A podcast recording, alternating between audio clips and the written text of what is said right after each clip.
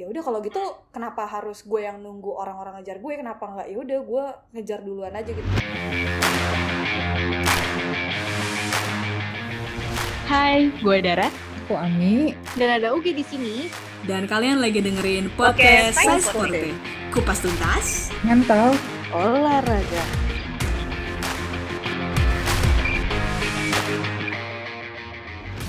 Hai, sob, thank you banget nih buat sobi-sobi yang masih langganan dengerin suara kami di lubang kuping kalian. Kami bakal ngobrol-ngobrol sama teman-teman yang Instagramnya at jobexplorer.sci lagi.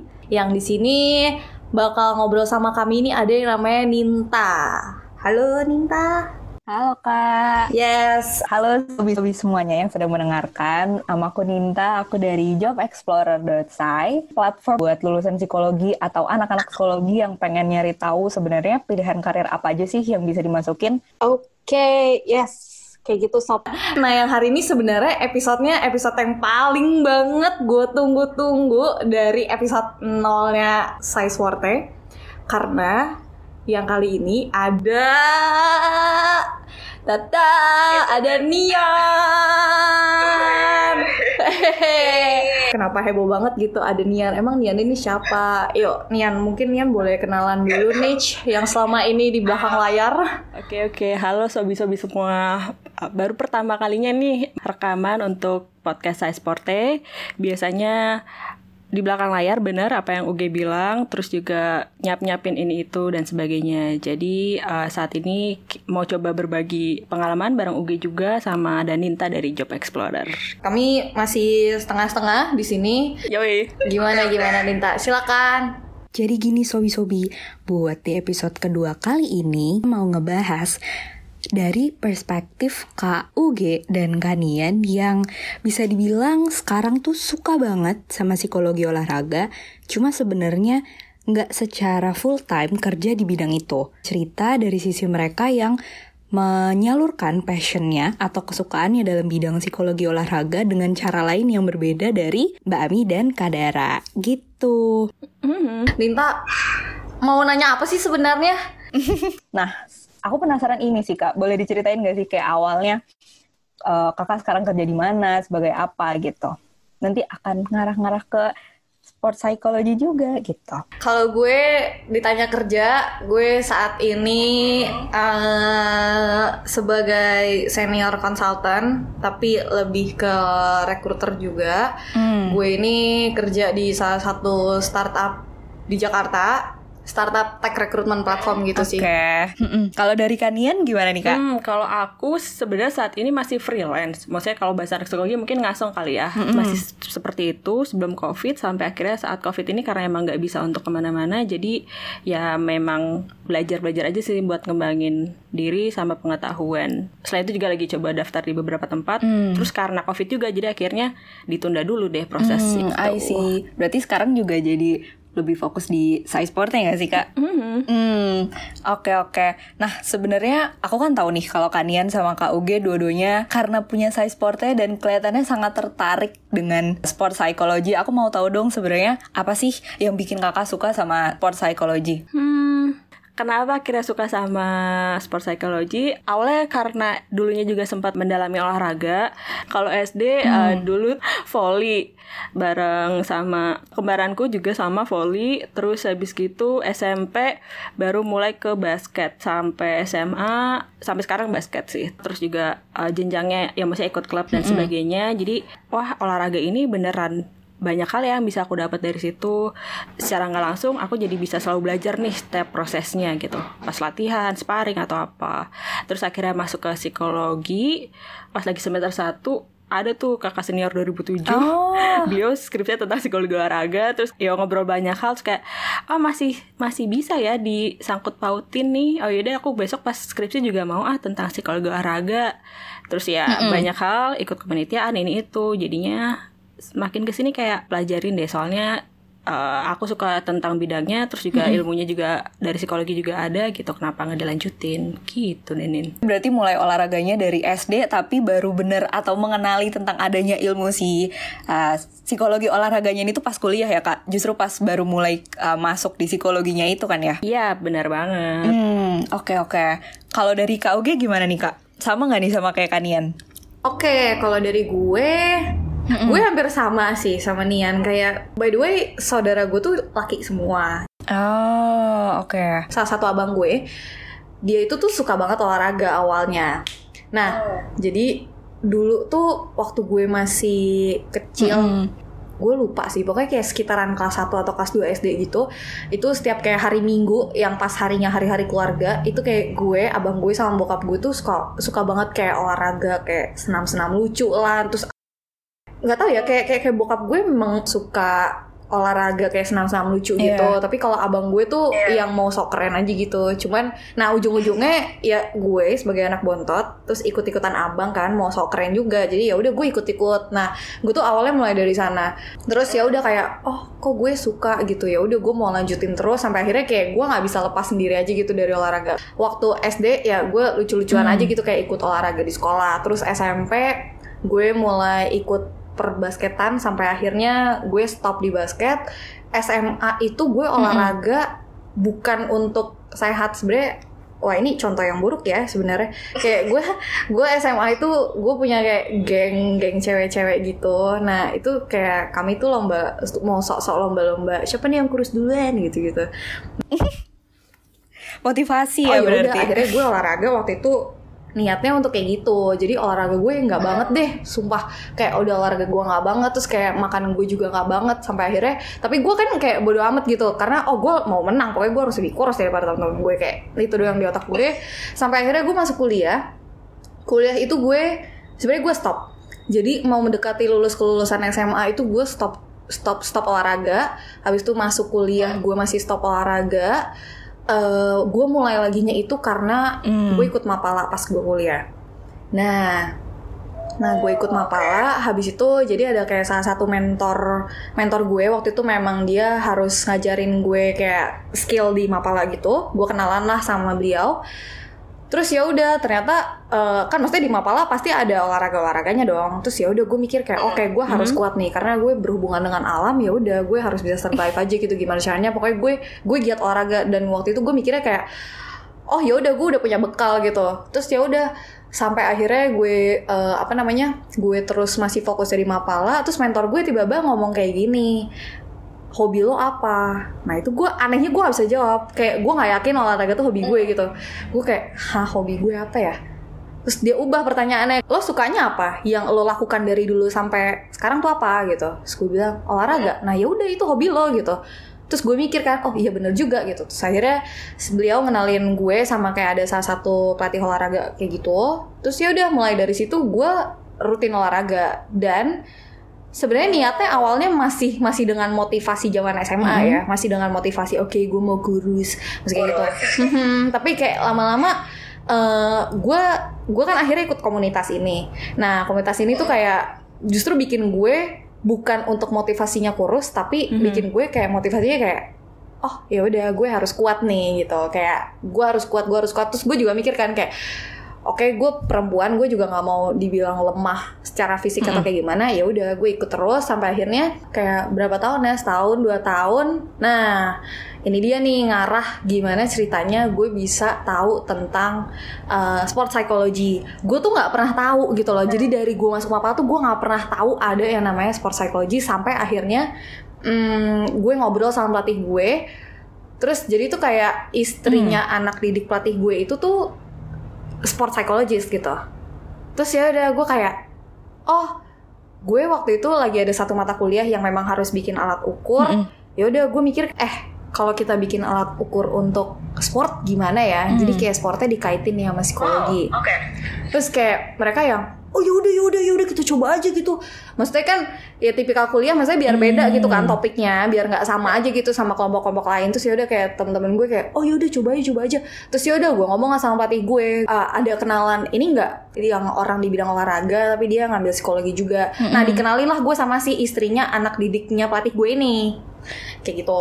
Terus ya udah gue kenalan lah sama beliau terus ya udah Wow, kita oke. ngobrol ngobrol-ngobrol beliau ngejelasin banyak banget tentang sport psychology sampai akhirnya ya udah gue tiba-tiba kayak keren juga nih ya Maksudnya jarang juga nih, kayak gue nggak pernah denger gitu. Awalnya apa gue yang kuper atau kayak gimana, gue nggak tahu. Tapi menarik juga sampai akhirnya ya udah skripsi gue waktu itu memang tentang sport juga dan puji Tuhan gue dapet dosen bimbingan yang memang dia nge-encourage gue banget untuk oh ya udah kamu di sport aja berhubung. Kan rata-rata eh, well gue nggak tahu sih sebenarnya tapi yang gue tahu mostly teman-teman gue itu kalau bikin skripsi itu yang yang beririsan lah dengan kehidupannya mereka.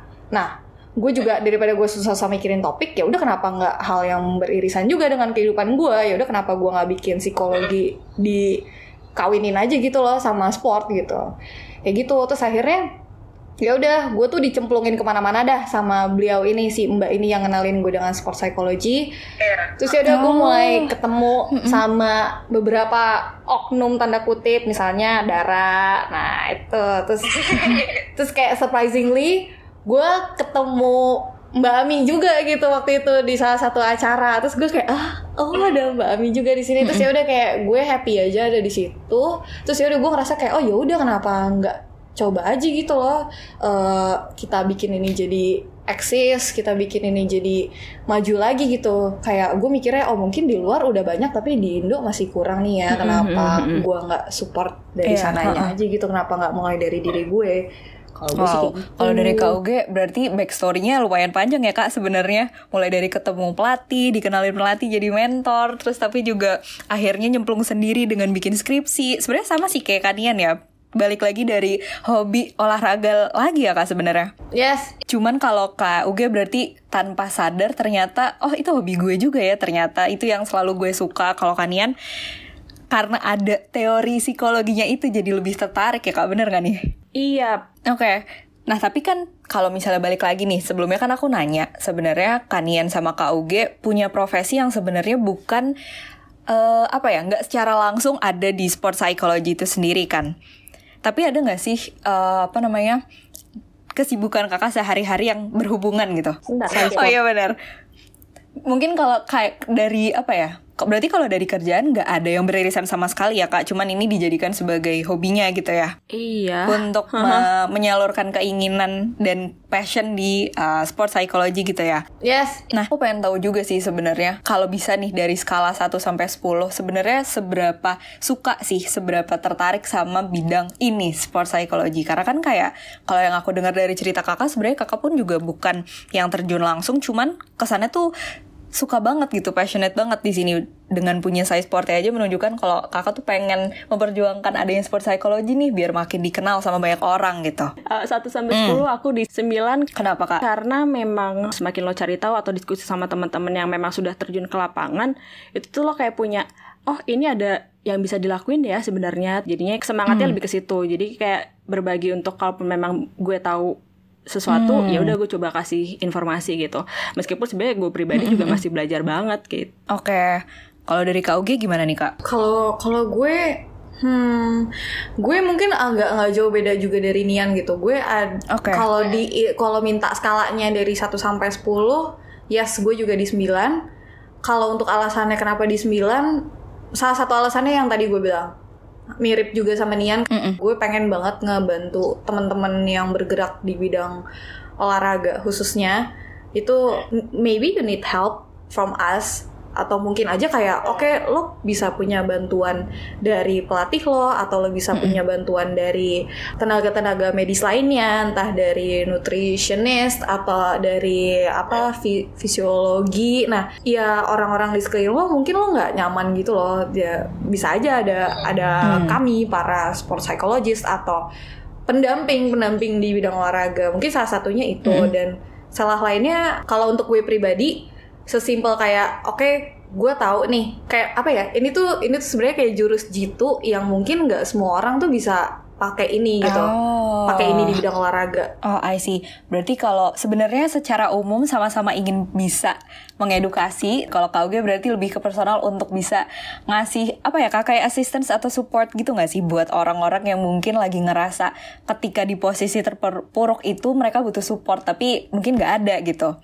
Dan kak kak gue pengen punya peran itu gitu buat mereka ya Yes. Iya benar-benar. Oke kak, tadi kan kakak udah ngejelasin nih kayak skalanya sama-sama 9 Berarti suka banget dong sama psikologi olahraga dan pengen banget bisa berkontribusi. Cuman kenapa sih akhirnya nggak memilih untuk ya udah ngambil aja deh kerjaan yang memang berhubungan langsung dengan psikologi olahraga atau memang yang profesinya bener-bener um, in touch langsung ke situ gitu. Cuman kan kalau kalau tadi dijelasin sama Kanian sama Kak gue kan nggak langsung bersinggungan nih gitu.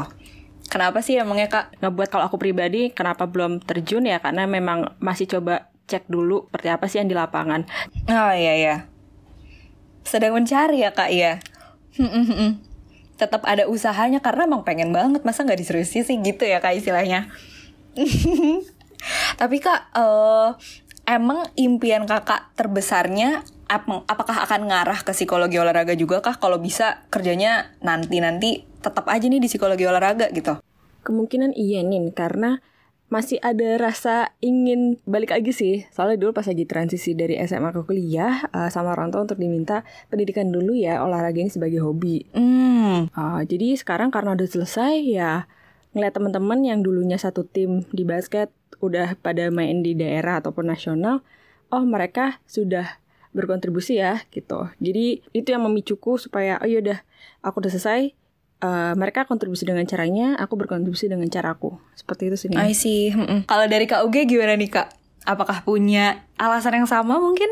Hmm, gue, gue tuh sebenarnya gue kan dulu zaman kuliah tuh ada mata kuliah magang ya. Nah, gue itu magang tuh bareng sama si Mbak ini gitu. Jadi waktu itu gue magangnya itu di ya salah satu salah satu olahraga juga di Rawamangun tepatnya.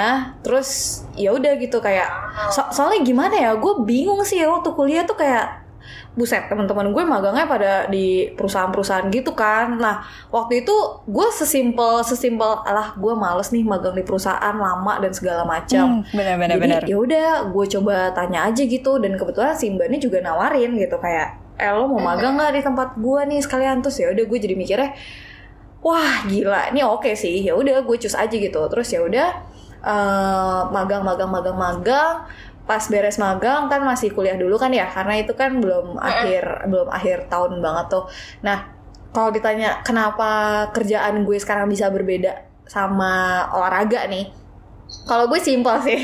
Gue jujur aja gue memang tuntutan hidup banget sebenarnya nah ini ini mungkin yang bikin beda gue dengan eh, sobi-sobi saya sportnya lainnya kali ya. Gue mungkin nggak seulet sobi-sobi yang lain buat cari Iya, tahu ha-ha. banget tentang eh, lapangan pekerjaan di psikologi olahraga or whatsoever. Gue nggak segitunya karena waktu itu gue memang punya tuntutan hidup yang ayo dong lo beres kuliah lo kerja gitu. Ya udah jadi gue emang ya udah gue coba cari kerja dulu aja. Kayak gue mikir oke mungkin ini bisa jadi side job gue nantinya. Terus waktu itu gue udah punya asumsi sendiri. Asumsi gue lebih yang kayak aduh apa jangan-jangan memang nggak banyak gitu loh di Indonesia si uh, psikologi olahraga ini? Terus ya udah gue kayak ya udah kalau nggak banyak kenapa nggak gue coba ngumpulin uh, ilmu-ilmunya dulu gue banyak berguru dulu sama orang-orang dan ya udah kenapa nggak bikin sendiri aja gitu atau nanti pasti akan ada waktunya kok gue bisa cekit-cekit ikut-ikut terus mulai lagi bergelut gitu. Kalau gue basically karena tuntutan hidup aja sih makanya kenapa sekarang bisa berbeda dengan tapi akhirnya tada ketemu dengan sobi-sobi saya sporte terus ya udah ini bisa dijadiin sampingan ya udah akhirnya mimpi gue yang pada saat pertama kali gue nyari kerja itu oh ya udah terrealisasi di sini kayak gitu Nah, benar-benar. Eh, menarik banget. Dua point of view yang sangat berbeda loh, Kak. Yang satu kayak sebenarnya sama-sama mencari, cuman bedanya mungkin kalau Kanian memang sudah terfokus dari awal gitu kan. Cuman kalau Kak Uge emang sepertinya tidak secara langsung di situ, cuman tetap bisa loh dijadiin side job dengan ada gitu yang disalurkan ya nggak sih, Kak? Exactly. Mhm. Impian terbesar gue, gue tuh pengen banget kalau memang orang-orang nggak punya wadah dan ada orang-orang yang masih linglung kayak gue dulu, anjir gue harus ke mana nih? Gue harus ke mana? Gue nggak punya kenalan apa-apa. Ya udah, ini ada, ini ada kami di sini gitu loh. Nih gue bisa support lo di bidang itu. Nah gue tuh, nah itu salah satu impian gue sih.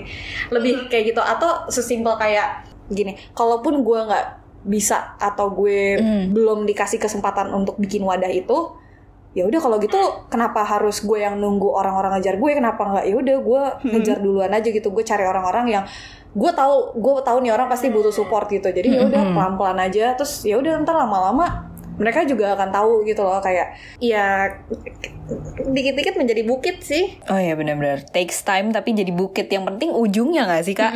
Aku mau nanya nih kalau misalnya Kak UG ada pekerjaan tetap as a headhunter yang tadi kakak bilang kan sebenarnya gimana sih kak bagi porsi dengan kerjaan asli kakak dan keinginan untuk berkontribusi dengan psikologi olahraga gitu? Jadi basically karena niatnya aja sih karena uh, kayak gimana ya mungkin akan ada suatu waktu di mana oke kerjaan gue lagi banyak banget nih oke kita harus launching sesuatu nih di uh, size porte gitu. Cuman lagi-lagi gue selalu yang bikin motivasi gue adalah ya kenapa gue pengen nge-start ini juga alasannya tuh kenapa gitu. Kayak gue gue selalu mikirin alasan pertama kali gue mau nge-start ini alasan pertama kali Dara waktu itu ngajak gue untuk bikin kayak gini tuh apa gitu awalnya ya udah jadi itu jadi motivasi gue juga terus kayak kalau lo niat sama sesuatu lo pasti make time buat itu Ah bener banget, iya. Aku setuju dengan pernyataan itu. Mm-mm. Jadi kayak mau mau secapek apa pun juga tetap akan dilakuin gak sih kak? Karena kayak ya tujuannya tuh murni dari diri sendiri dari kayak ya udah emang pengen gitu kan. Mm-mm, mm-mm, mm-mm. Berarti kalau tadi aku pertanyaan adalah porsi, nggak bener-bener ada porsi yang misalnya 50-50 gitu ya kak. Cuman kayak ya udah I make time for this gitu ya. Oke, em, Yes. ngomong-ngomong tentang psikologi olahraga dan kecintaan kakak berdua dengan bidang ini, sebenarnya ada nggak sih orang atau misalnya inspirasi untuk ada di bidang ini gitu, atau berkontribusi di bidang psikologi olahraga? Oh, ada uh, dosen pembimbing. Kenapa? Karena ya beliau bisa mendorong gue untuk tetap ajak nih dengan topik yang gue pilih waktu itu pertama kali. Terus juga dengan kesibukannya beliau nih yang ke luar negeri, penelitian sana sini, terus juga ya pas uh, ngajar juga gitu. Tapi beliau masih mau untuk terjun ke ranah olahraga. Uh, yang uh, gue pribadi sih kayak salut sih I see. Oke oke. Kalau dari KUG gimana nih kak? role model ya nah sebenarnya ini gue lupa di tahun berapa tapi yang pasti ini pas gue pas gue beres kuliah tapi gue belum kerja deh seinget gue ya. Waktu itu kan gue masih sempat nganggur tuh. Nah ada satu perempuan gue lup, gue tuh lupa banget dia asalnya dari mana tapi yang pasti dia itu sekarang tinggalnya di Australia. Nama orangnya nah ini kalian bisa cek sih. Sob kalau mau cek juga boleh di Instagramnya. Itu ada namanya Marcia Coronado. Nah, dari mana gue bisa tahu nih orang? Nih orang itu gue bisa taunya tuh dari yang tadi gue cerita tentang si Mbak ini yang eh, nawarin gue magang itu. Nah, terus dia ngomong gini, karena si Mbak ini tuh tahu banget gue tuh suka olahraga dan gue tuh kayak seobses itu sama kayak gue pengen banget bikin perut gue six pack gitu. Terus ya udah kayak dia ngirimin cekin terus dia bilang kayak G lo lihat nih nih orang.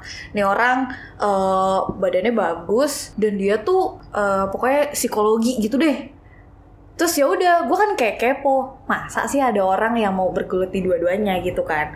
Eh ternyata dong waktu gue cek instagramnya ternyata memang iya memang benar. Dia itu tuh kayak sport psychologist juga dan dia itu orang yang bergelut di olahraga juga dan ternyata dia triathlon juga gitu. Terus jadi gue kayak oh wow kenapa gue nggak ikut aja ya? Kayak dia kan keren juga tuh punya badan bagus dapet terus yang gue pengennya juga dapet gitu kan terus ya udah itu sih role model gue kayak sampai sekarang pun Oke oke, balik lagi nih kak. Aku ini sih, eh, tadi kan udah ngomongin secara personal eh, role model, terus kenapa enggak? Bukan enggak sih, tapi belum eh, bener-bener mendalami atau kerja di bidang psikologi olahraga. Mungkin ada nggak sih dari kak Nian dan kak Uge uh, kira-kira sobi-sobi nih yang sedang mendengarkan dan pengen berkontribusi, apa sih yang kira-kira bisa mereka lakuin? Hmm, oke. Kalau buat yang berkontribusi, eh, sebenarnya eh, di episode yang sebelumnya itu sudah dijabarkan banget ya sama Mbak Ami dan Dara gitu apa yang bisa dilakuin. Jadi mau nggak mau memang lo harus coba untuk Nah, mulai dulu. Kalaupun emang lo eh, belum, misalnya kalau dulu sempat punya skripsi tentang psikologi olahraga atau dulu atlet dan sebagainya, ya lo masih punya bayangan. Cuman kalaupun memang yang belum sama sekali tapi ingin berkiprah, ya coba deh minimal aja YouTube lihat pertandingan olahraga deh. Maksudnya dari situ kan lo juga bisa lihat dinamikanya di pertandingan tuh kayak apa sih. Itu kan juga bisa jadi momen lo observasi ya sebenarnya. Oh, waduh kepake nih kayaknya ya. Skill psikologinya kepake berarti dari nonton video. Oke. Yoi banget. Kalau dari KUG, Kalau dari gue ya hampir sama sih sebenarnya sama Nian. Menurut gue banyak banget jalan menuju Roma. Jadi kalau lo pengen banget terjun ke psikologi olahraga, ya yang kayak tadi lagi-lagi gue sebut lagi soal niat ya.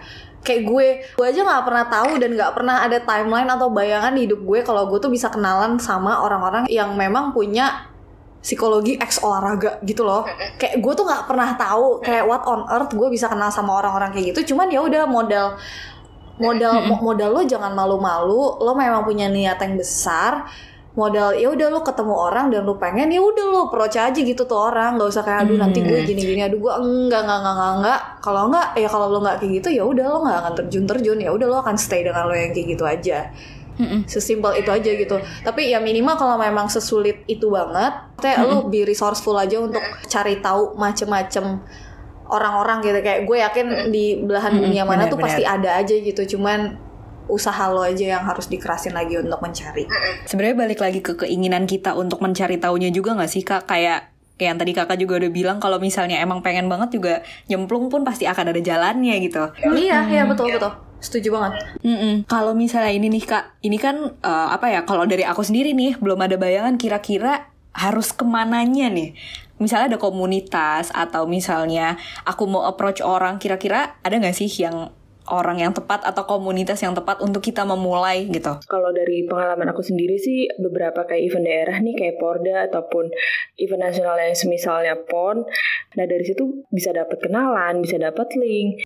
Hmm, oke oke.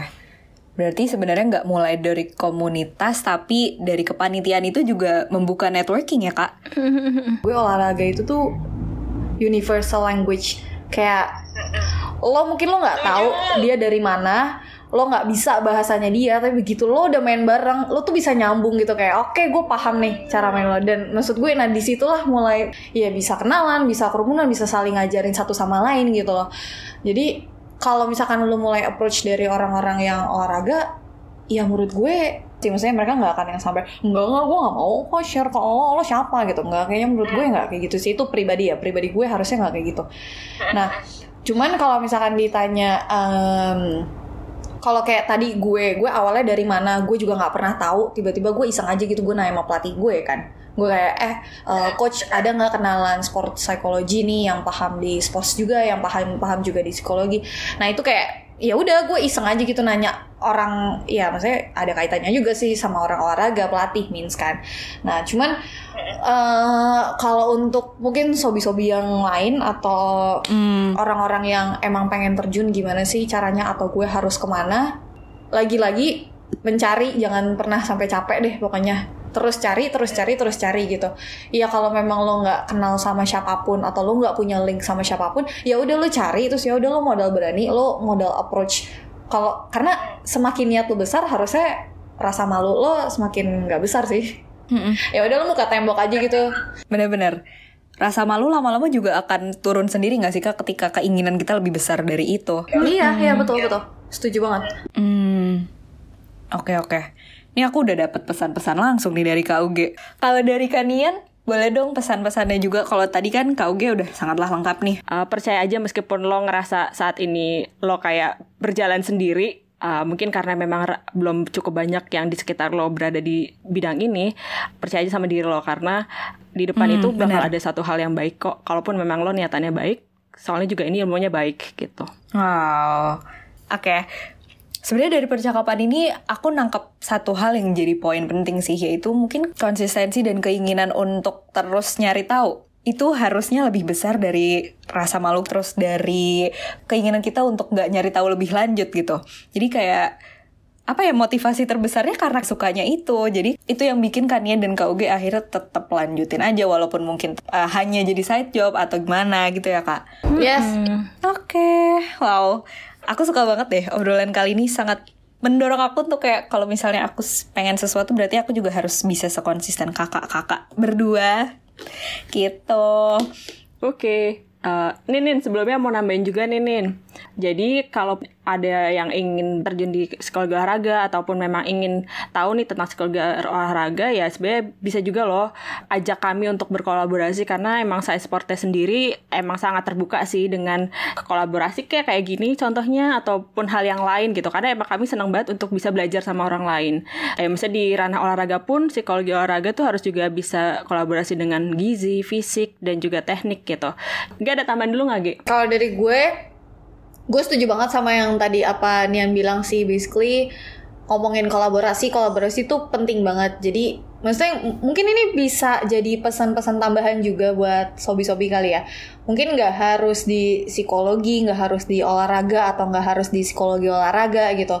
Kalau sobi-sobi punya uh, minat di tempat lain gitu ya berusaha lah untuk bisa berkolaborasi dengan orang-orang di sekeliling kalian gitu karena percayalah pasti ada impactnya kok sekecil apa pun itu pasti akan ada impactnya kalau kalian nggak mulai dari sekarang ya kenapa harus nunggu nunggu nunggu aja terus terusan nanti yang ada makin nggak berkembang kayak gitu deh hmm benar oke okay, tadi udah ngobrol lama banget nih. Semoga apa yang kami obrolin bisa kasih banyak hal buat para sobi-sobi ya, Nin dan G. Yes. Uh, ini rangkaian dari dua episode yang sebelumnya juga ya. Jadi untuk yang sekarang ini kolaborasi kami dengan Job Explorer uh, sampai di sini. Cuman nanti ke depannya akan ada kolaborasi lagi. Kita nggak pernah tahu sih. Ditunggu aja ya. Oke, okay, lalu tadi kan gue sama Nian udah sempat sharing nih tentang gimana sih journey kita sampai akhirnya bisa sampai di sini gitu. Nah, kami kepo juga sih sama sobi-sobi. Boleh share banget nih pengalaman kalian mau itu di psikologi atau misalnya kalau kalian berkaitan juga dengan sport atau justru yang nggak berkaitan dengan dua-duanya kayak mungkin kalian ngerasa oh iya kak dulu uh, gue pengen banget start sesuatu gitu yang nggak harus dari uh, psikologi atau olahraga itu juga nggak masalah. Ya boleh langsung aja share pengalaman kalian di DM IG-nya Saisporte itu di @saisporte.id dan mungkin kalau misalkan uh, kalian iseng-iseng ngeliat Instagramnya Sai Sporte boleh juga kalian komen di feeds Instagram kami. Oke, okay, udah akhirnya Hmm, tadi udah ngobrol-ngobrol juga bareng sama Job Explorer. Sekali lagi, thank you so much Job Explorer uh, udah mau ngobrol-ngobrol sama Sai Sporte. Ayo kapan-kapan kita ngobrol-ngobrol lagi, lebih panjang lagi, lebih banyak lagi. Terus, yes, sampai di sini dulu episode yang kali ini. Kalau misalnya ada ide-ide lagi, boleh langsung di-share aja. Oke, okay, see you when I see you. Jangan lupa untuk tetap gerak, sob. Bye.